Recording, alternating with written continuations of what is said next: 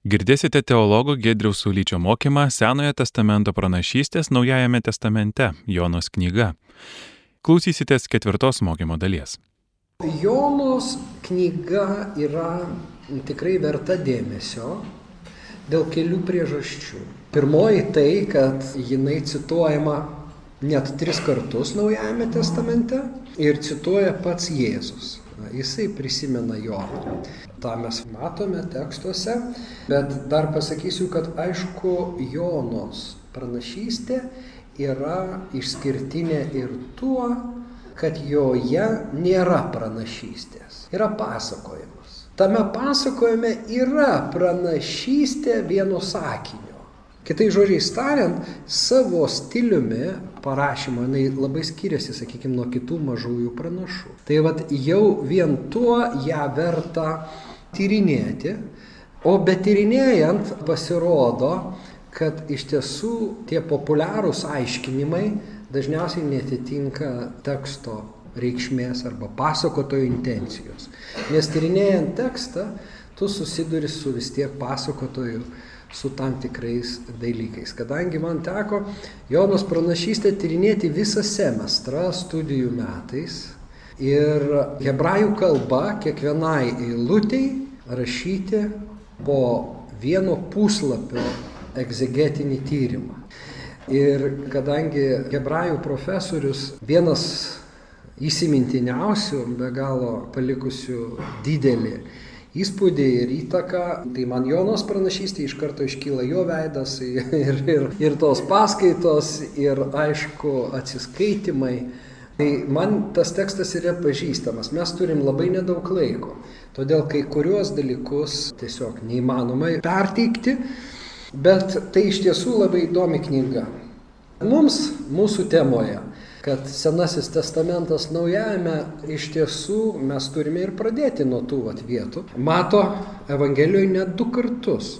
Jėzus prisimena pranašą Joną ir sako, kaip Jonai išbuvo tris dienas ir tris naktis jūrų pabaisos pilve, taip ir žmogaus sūnus išbus tris dienas ir tris naktis žemės širdyje.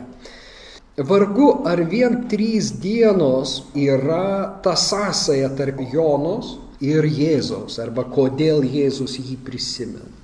Taip, tas trys dienos yra į jo kančią nuorodą, jo mirtį ir prisikėlimą, bet be abejo esama daugiau, kaip mes pamatysime.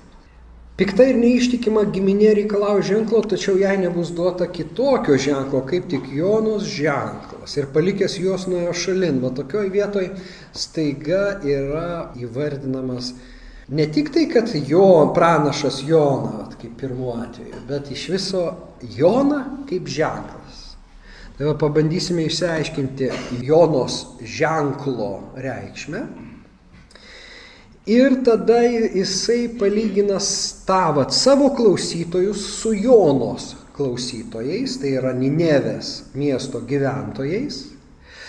Ir sako, yra labai didelis kontrastas tarp Ninevės gyventojų ir jūsų, nes jie atgailavo išgirdę Jonos pamokslus, o jūs ne. O čia daugiau nei Jonas.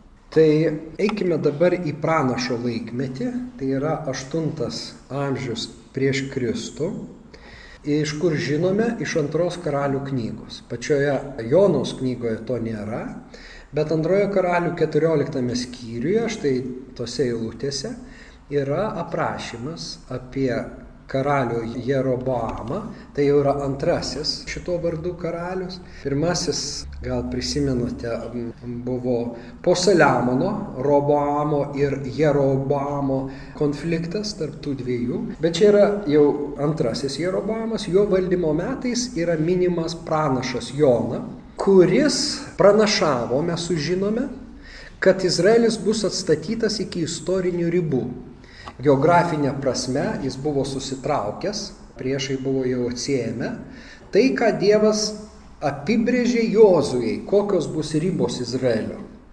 Tai va šito karaliaus metu buvo atstatytos tos istorinės, geografinės, pažado žemės ribos.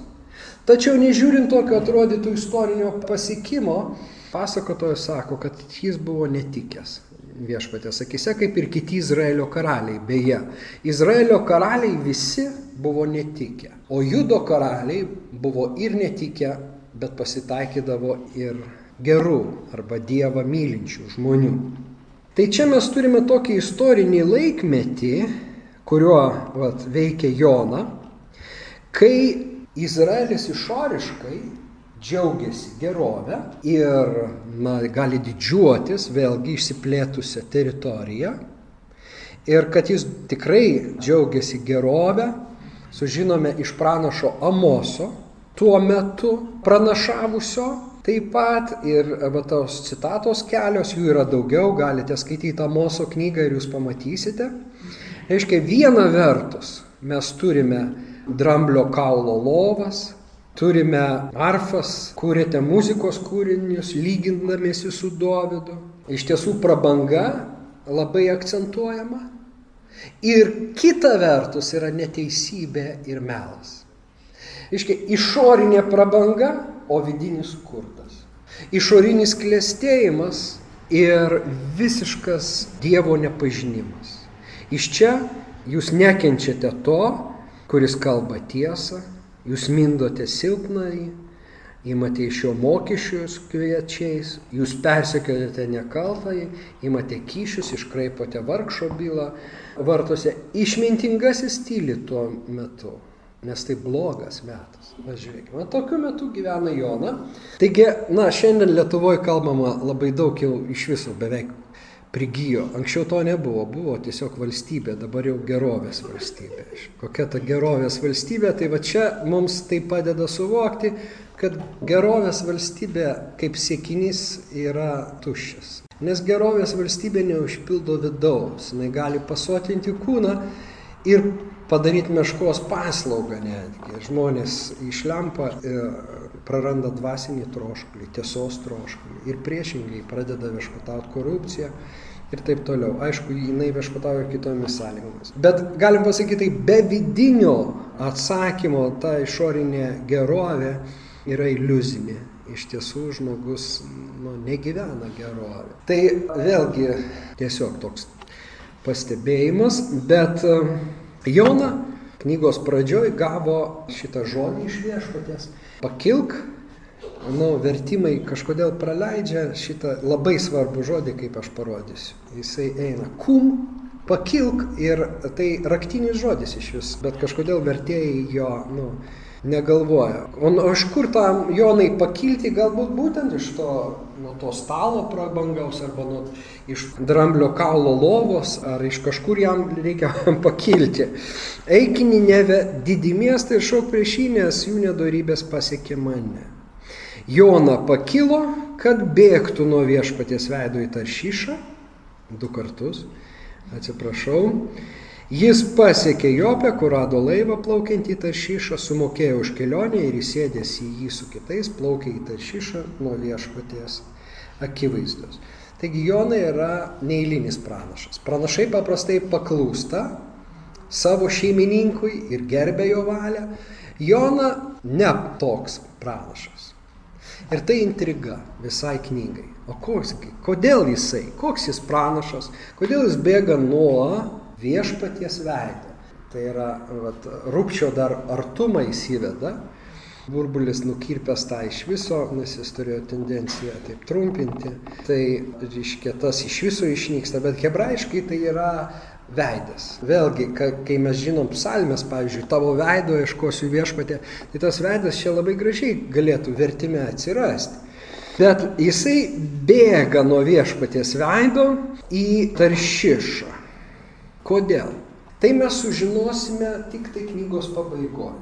Todėl intrigą palikime ir aiškinkime tai, ką atrandame čia tekste. Aišku, kur dabar jis siunčiamas?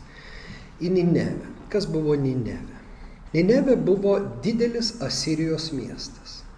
Jau vėliau, po Jonos, ne, ne tuo metu, jis tapo Asirijos sostinė. Bet tuo metu dar tai nėra. Sostinė tai yra tiesiog Asirijos miestas.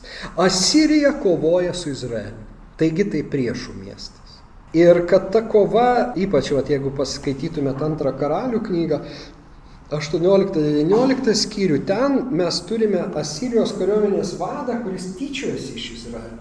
Ta prasme, kad jisai sukelia tikrai pasipiktinimą, ypač šventiems žmonėms, nes jis sako, na, skaitykit patys. Šiuo atveju netiek svarbu, svarbu tai, kad Ninevė yra priešiška valstybė Izraeliui ir, na, pakankamai istoriškai įtvirtinta, kad tikrai norėjo pavergti, padaryti savo vergais. Štai būtent Dievas nori pasiūsti savo pranašą pas priešus. Jeigu mes tiek žinom, manyt, nu, kad kur kur aš eisiu, bet pas priešus niekada. O Dievas sako, eik ten ir ten. O tas ten ir ten yra tai, ko tu nemėgsti labai. Eik pas tuos, kurių tu labai nemėgsti. Bet dažniausiai, žinokit, taip ir būna, kai su Dievu reikalų turime. Aš krikščionimi tapau, kai man buvo 20 metų. Būdamas 20, aš buvau toks jau apsiskaitęs jaunuolis, svajojęs tapti režisieriumi ir, ir na, teatro žmogus, nes mama mane vesdavosi į teatrą, aš jaunimo teatro repertuarą atmintinai žinojau, spektaklius po keletą kartų matęs. Kažkiek va toks, sakykime, rafinuotas, truputį intelektualiai, bet dar toks jauniklis visai. Bet viduje nelaimingas. Ir kai aš šaukiausi Dievo visiškoj kriziai, Jis atsiliepė, po kurio laiko mane aplankė vienas bičiulis, kuris norėjo tapti kunigu, niekada jo netapo, bet jis atsivedė draugą, kuriame aš išvydau šventą žmogų. Gal aš esu pasakojęs per Paulių, man atrodo, o gal ne jums, gal kitur. Nesvarbu. Žodžiu, aš atsiverčiu ir mano atsivertimas buvo dramatiškas. Ir a, sako, na, ateik pas mūsų susirinkimą. Aš nežinau, kur aš eisiu, bet tai buvo pogrindinė sovietmetis. Sėkmininkų pogrindinė bažnyčia tai yra persikojama saugumo ir iškeltos bylos vyresniesiems ir panašiai. Bet tą aš jau vėliau sužinosiu. Manęs tik paklausė, ar tu tikrai pasiryžęs su mumis eiti. Nežinau, kad važiuoja milicija. Ir tu žinai pasiekmes. Tas pokalbis vyko prie katedros, aš tą visam gyvenimui aišku įsiminiau. Ką aš pasakiau, kad, nu, dėl Jėzaus tai aš ir mirti pasiruošęs. Nežinau, ar, ar, ar taip jau, bet aš buvau pilnas ugnies, nu, kančia man atrodė tik nuotykis. Ir kai aš nuvažiavau į tą pogrindinę bažnyčią, aš supratau, kad aš patekau į vietą tarp žmonių, kuriuos aš labiausiai niekinu, kurie man visiškai svetimi. Tie žmonės kalbėjo rusiškai, didžioji dalis iš jų buvo baltarusiai. Iš rankų aš mačiau, kad jie dirba fabrikuose, gamyklose, nu ir jų kalba tai liūdėjo taip pat. Tai buvo tokia pirkelė, vienas kambariukas. Ten nepabuvus, žinot, to ne, nepapasakosi, tik tie, kurie ten buvo, tą gali suprasti. Kabėjo paveikslas toks auksinis, reiškia, ir ten išsiuvinėta buvo rusų kalba Bokies liubov. Bet tai buvo toks kyčias ir toks baisus, nu, neskonis, kad net tik tai tokiam dar jaunikliui intelektualui tai galėjo kelti tik šleikštulį ir nieko daugiau. Ir tie žmonės tai buvo, nu, tie, pas kuriuos tu niekada neįsi ir jo labiau Dievo klausimais. Bet tai buvo ta vieta, ta mokykla, kur, kur, kur Dievas patalpino. Ir kai mes sukaupėm melstis, aš pamenu, ir mano protas tas sako, tai yra baisu. Tai yra tokia skilė, kad jau baisiau negu baisu. Ir va toje vietoje tu jauti, kaip tavo visas kūnas suspaudžiamas Dievo jėgos, kaip šventoji dvasia kelia tavo rankas fiziškai, kaip tu jau žiūri, ar tu pakilai nuo žemės, ar dar ant žemės. Nes ta jėga yra tokia didelė. O širdis prisilindo ašarų, raudos, meilės, Kristų. Tie žmonės taiga nuplaukia. Ir tu nebegali mąstyti logiškai, tai nebeveikia. Nes tavo simpatijos ir antipatijos čia nebeveikia. Ir iškyla klausimas, kas tau svarbus - Dievas ar žmonės, ar ką tu myli labiau. Kaip tas klausimas, žinot, Jėzaus. Ar myli mane labiau šitos? Kas tie šitie? Taip, Jėzau, tu žinai, kad aš tave myliu. Ir tenka praeiti tą mokyklą. Tai čia toks asmeninis liūdimas, bet taip jau yra, ne tik tai, kad čia šitoje vietoje tu galvoji, Jona niekaip savęs neįsivaizduoja tame kolektyve, Ninevės mieste. Kur eiti, bet eiti pas šitos. Bet būtent ten. Ne, aš eisiu į Taršyšą. Žiūrėkime, Jona toks pareigingas susimokėjo už kelionę. Net čia iš tiesų knyga, žinokit, pilna ironijos. Ja skaitai, gali juoktis, juoktis. Ten tiek jokingų situacijų galima komediją pastatyti. Bet žinia labai rimta. Susimoka už kelionę. Nu kur tu čia jau plauki, Jona? Į taršyšą. O kas tas taršyšas? Pats žodis reiškia brangakmenis, nors gali būti ir vardas. Aukso kasyklos. Mes va skaitome, kad Saliamono laivai grįždavo iš taršyšo, atgabendavo aukso, sidabrio, dramblio kaulo, pažįstam jau, bežionių bei povų. Taršyšas yra Saliamono kasyklos, filmas Indiana Jones, man atrodo, tematika sukurtas Saliamono kasyklų beieškant, ar ten karaliaus Saliamono kasyklos. Žinote, iki šių dienų jos kelia aukso karšlygę. Tai yra vieta, iš kur ateina turtai. Negali tai būti atsitiktinumas, kad Jona, žiūrėkim, sako pas tuos, nu tik ne pas tuos, o vat ten o tas ten, nu, bet pasakotojas taršyšą sujungia nuo viešpaties veido. Ne link viešpaties veido, o nuo viešpaties veido. Taršyšas taigi tampa simbolinė vieta. Vėlgi tai atitinka laikmetį, mes galim sakyti. Kai viešpats kalba, ateina jo artumas. Bet Jona bėga nuo to artumo į tą gerovę, ir bėga nuo tos misijos, nes jinai dėl kol kas mes nežinom. Kol kas mes galvojam, kad greičiausiai tai susijęs su Asirijos priešiškumu Izraeliu. Bet bet kuriuo atveju tolyn nuo viešpatės, nuo jo veido. Skaitome toliau. Bet viešpas užleido šėlsantį vėją. Žodžiu, nuo Dievo netaip lengva pabėgti. Neseniai buvau susitikime klasės. 35 metai kaip aš baigiau vidurinę mokyklą. Ir tai buvo įdomu matyti tos klasiokus. Nuo to laiko nesu matęs, išskyrus kelis. Susėdom tiek, nu, nemažai tų žmonių. Ir tas vienas klasiokas, nu bet gėdė, tai kaip čia taip atsitiko? Nu, kaip tu to krikščionim tapai? Nu, taigi mokykloje nieko bendro. Nu, bet iš tiesų taip ir buvo. Sakau, nu kaip? Nu nelengva nuo Dievo pabėgti. Nepabėgsi tu nuo jo, kai jau pričiumpa, tai jau viskas. Nu, tai visi, tiko tas atsakymas. Jie pamatė, kad čia tas pats gėdrius, tas pats gėdrius, reiškia. Iš tiesų, taip ir yra.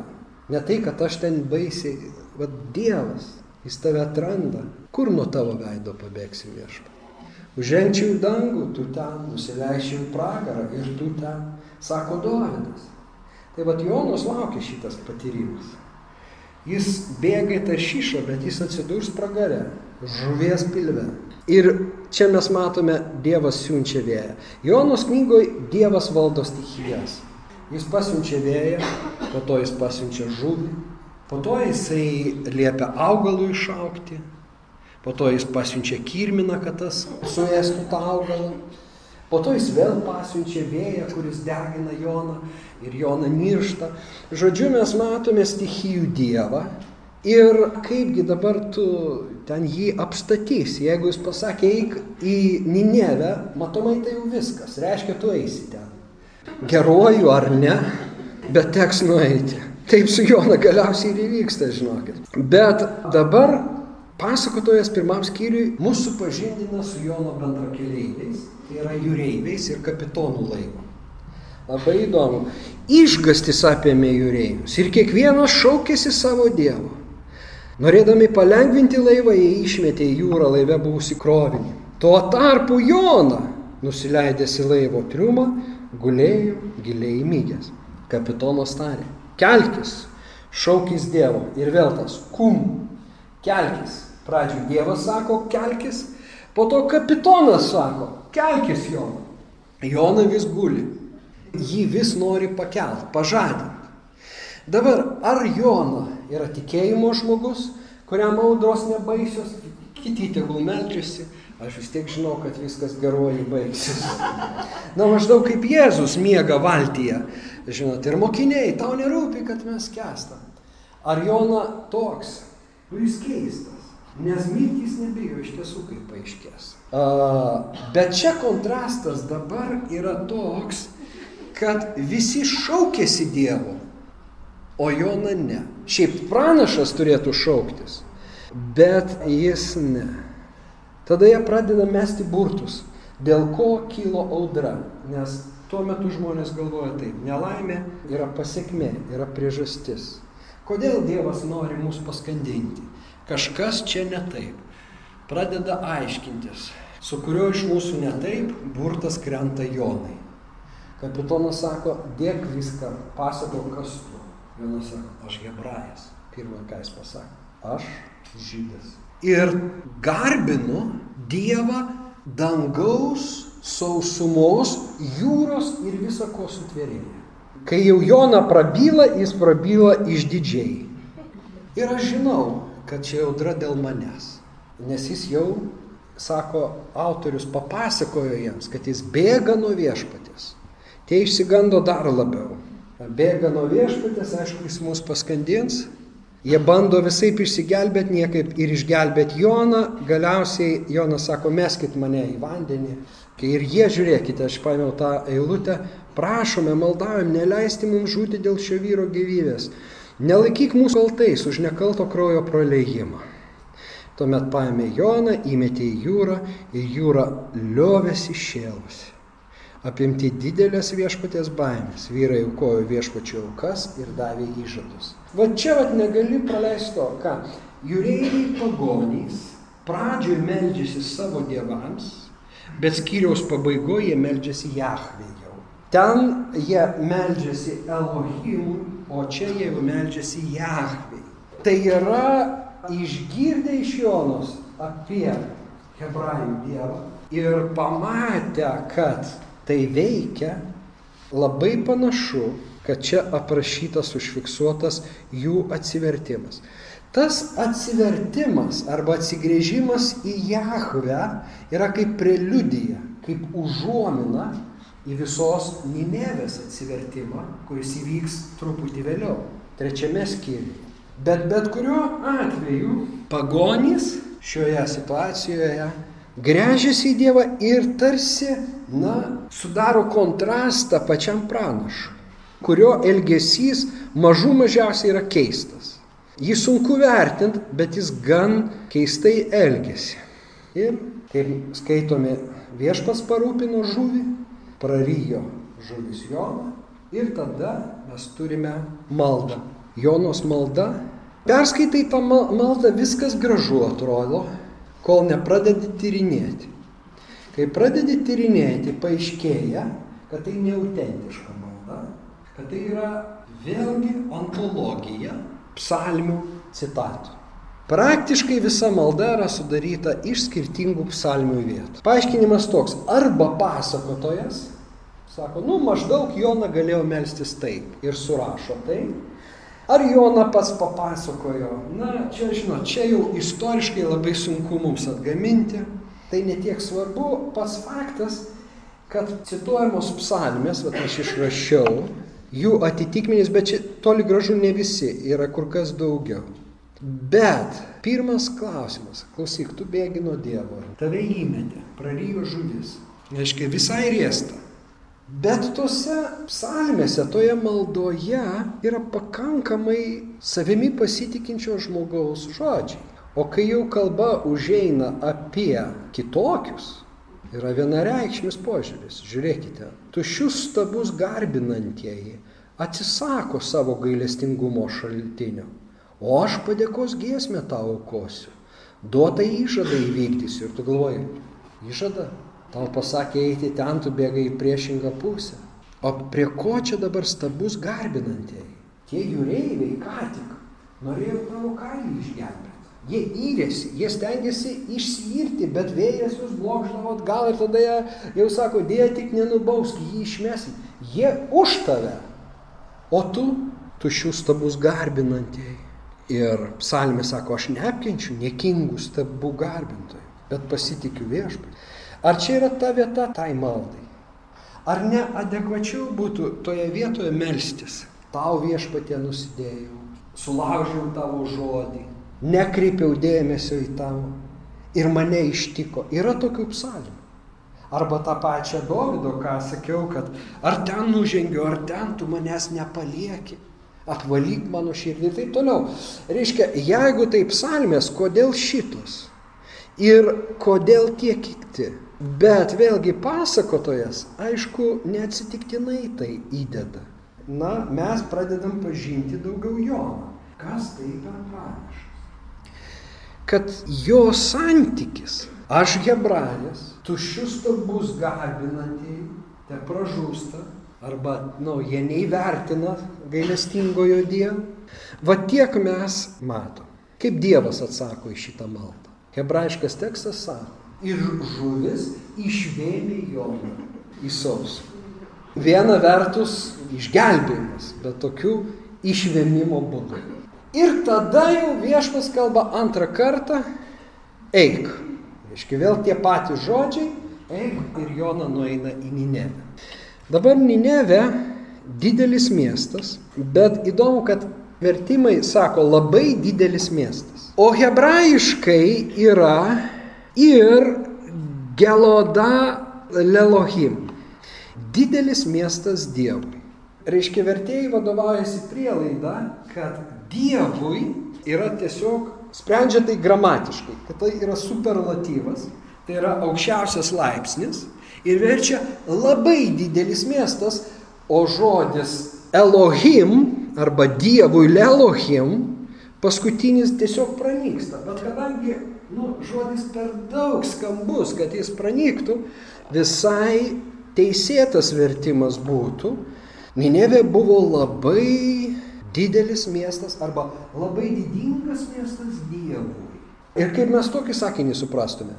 Dievui labai rūpėjo tas miestas ir kiekvienas gyventojas ir net gyvulys tame mieste Dievui rūpėjo, nes tai pasako paskutinė knygos eilutė.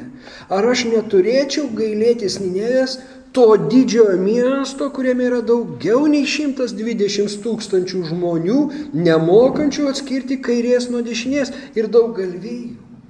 Jona, tu eini į miestą, kuriame žmonės neskiria kairės nuo dešinės. Jie paklydę, jie naivus, jie neturi pažinimų. O aš jų gailiuosi. Šitas miestas man brangus.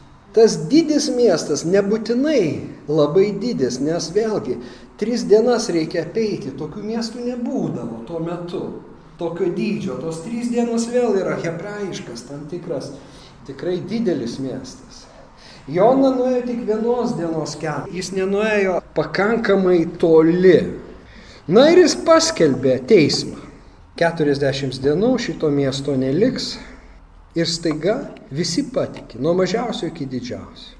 Ninevė žmonės patikėjo Dievu, paskelbė pasniką ir visi dideli bei maži apsivilko šutinėmis, kai žinia pasiekė Ninevės karalių, jis kum pakilo nuo sosto.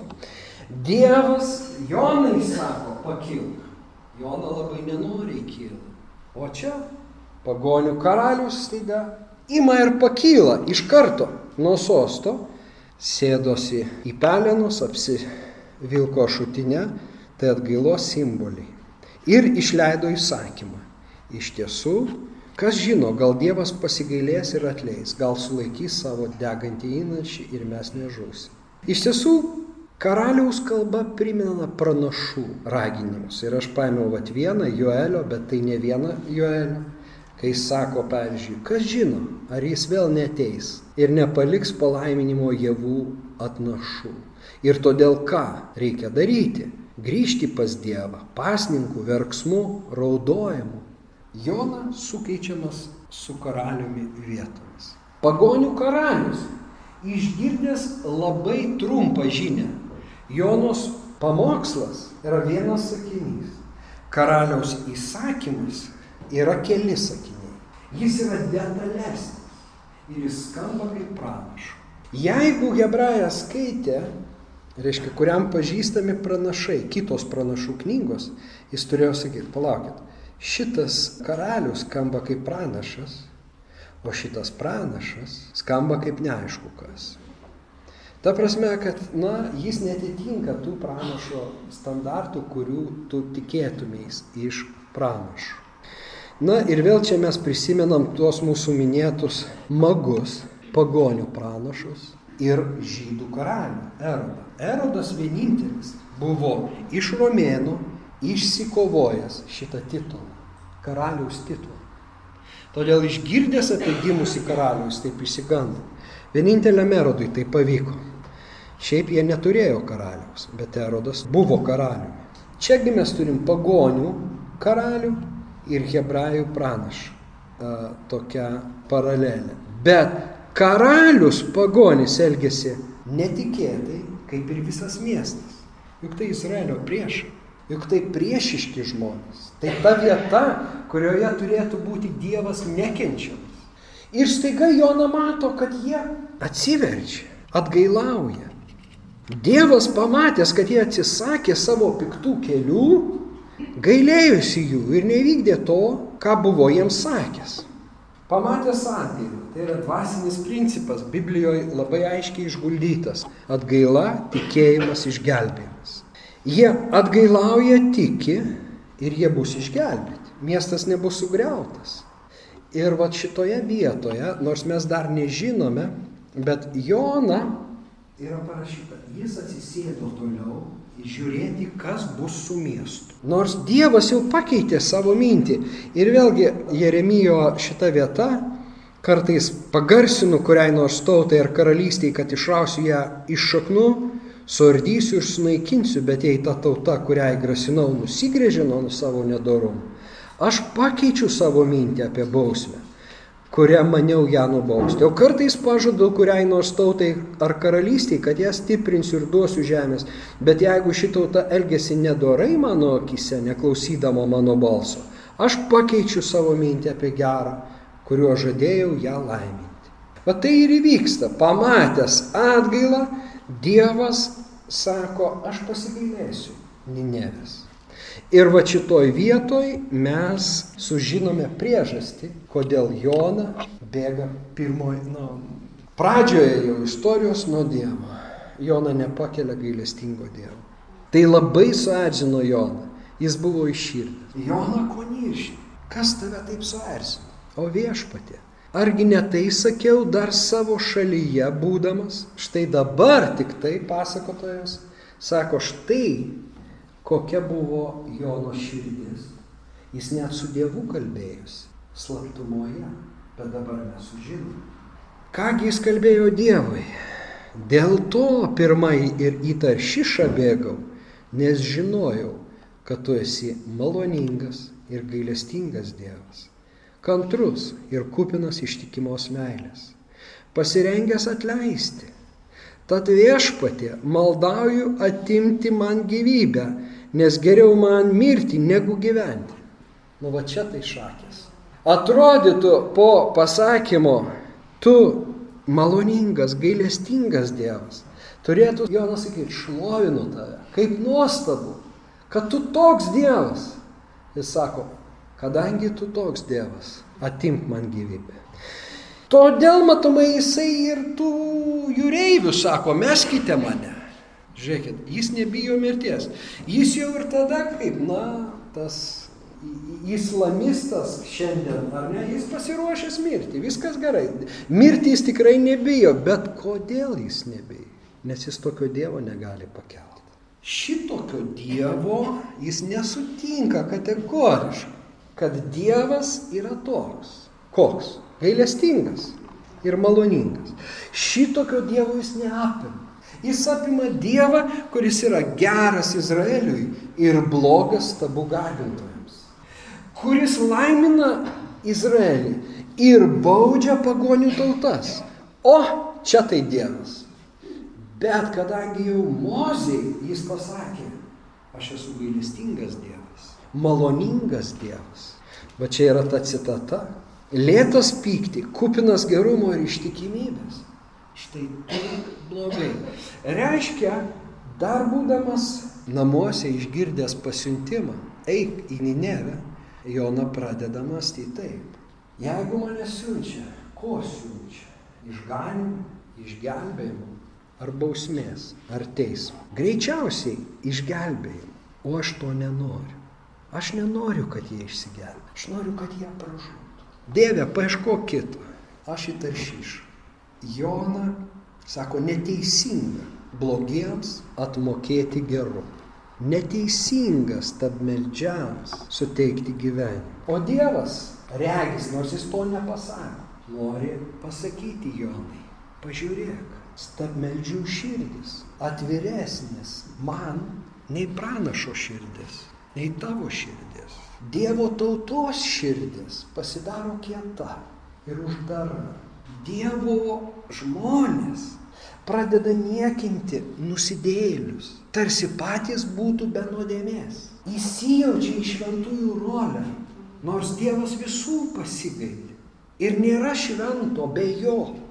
Bet taip jau atsitinka, kad vad Dievo tauta perima paveldą ir sako, mes nusprendžiam, kas geras, kas blogas. O tiesa yra tik vienas Dievas sprendžia. Ir jis sprendžia, kad visų verta pasigailėti. Net ir Izraelio priešų, net ir bažnyčios šiandien priešų. Visi verti gailestingumo. Vat tai norėtų tikriausiai Dievas pasakyti, bet autorius šitos knygos jis specialiai nepabaigia knygos kažkokio atsakymo, jis pabaigia klausimu. Ir kadangi Jonos knyga baigėsi klausimu, staiga tą klausimą mes kaip skaitytojai jaučiame, kad Dievas užduoda mums. Arba autorius užduoda mums. O koks tavo santykis? Staiga mes pamatom, kad Dievas pačius kiečiausius gali labai lengvai sukėlė audrą ir tie jau pasiruošę jam duoti įžadą. Dievui, Jahvei, tikrajam Dievui duoti įžadą.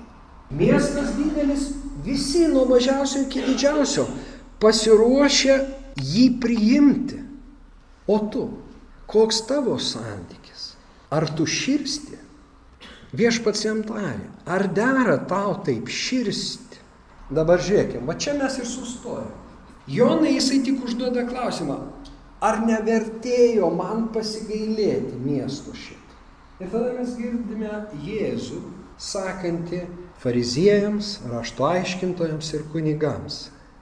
Šiai tautai, klastinga tauta reikalauja ženklo. Nebus duota kito ženklo, kaip pranašo Jonos ženklas. Kas ten vyksta? Žiūrėkime, kas kartą, kai Jėzus pamini Joną, skaitykite tas vietas ir pamatysit, pradžia visada yra ta, kad jį nori pakirsti su juo nesutinka. Ir tai daro ta tautos dalis, tas elitas. Ir viena iš tų vietų yra ne kas nors, o mato pašaukimas. Devintam skyriui mes skaitome, kaip Jėzus pašaukė muitininką matą, iš čia mes sužinom vardą.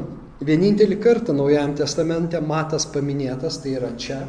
Ir tada namuose Jėzus susėda, akivaizdu, kad tai mato namai, Ir ten susirinka muitininkai ir nusidėliai ir vėl tie priekaištai. Kodėl jis valgo su muitininkais ir nusidėliais?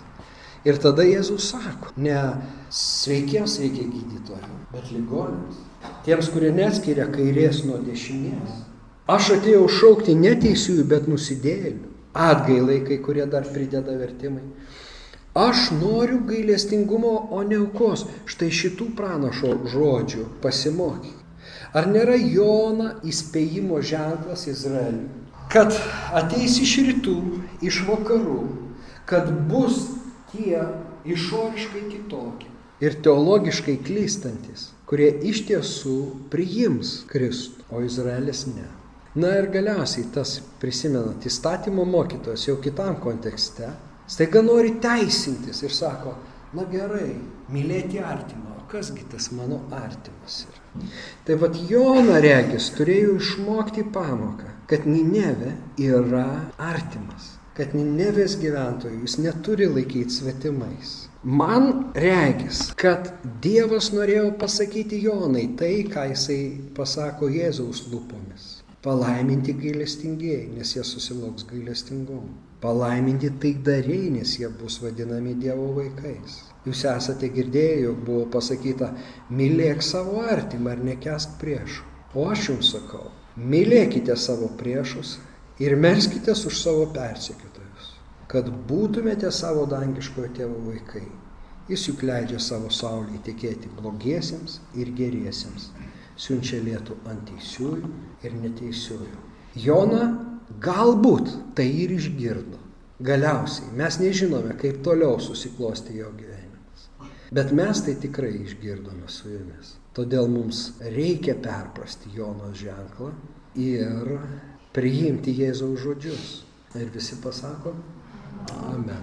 Girdėjote teologo Gedrius Saulyčio mokymą Senojo testamento pranašystės Naujajame testamente Jonos knyga. Klausėtės ketvirtos mokymo dalies.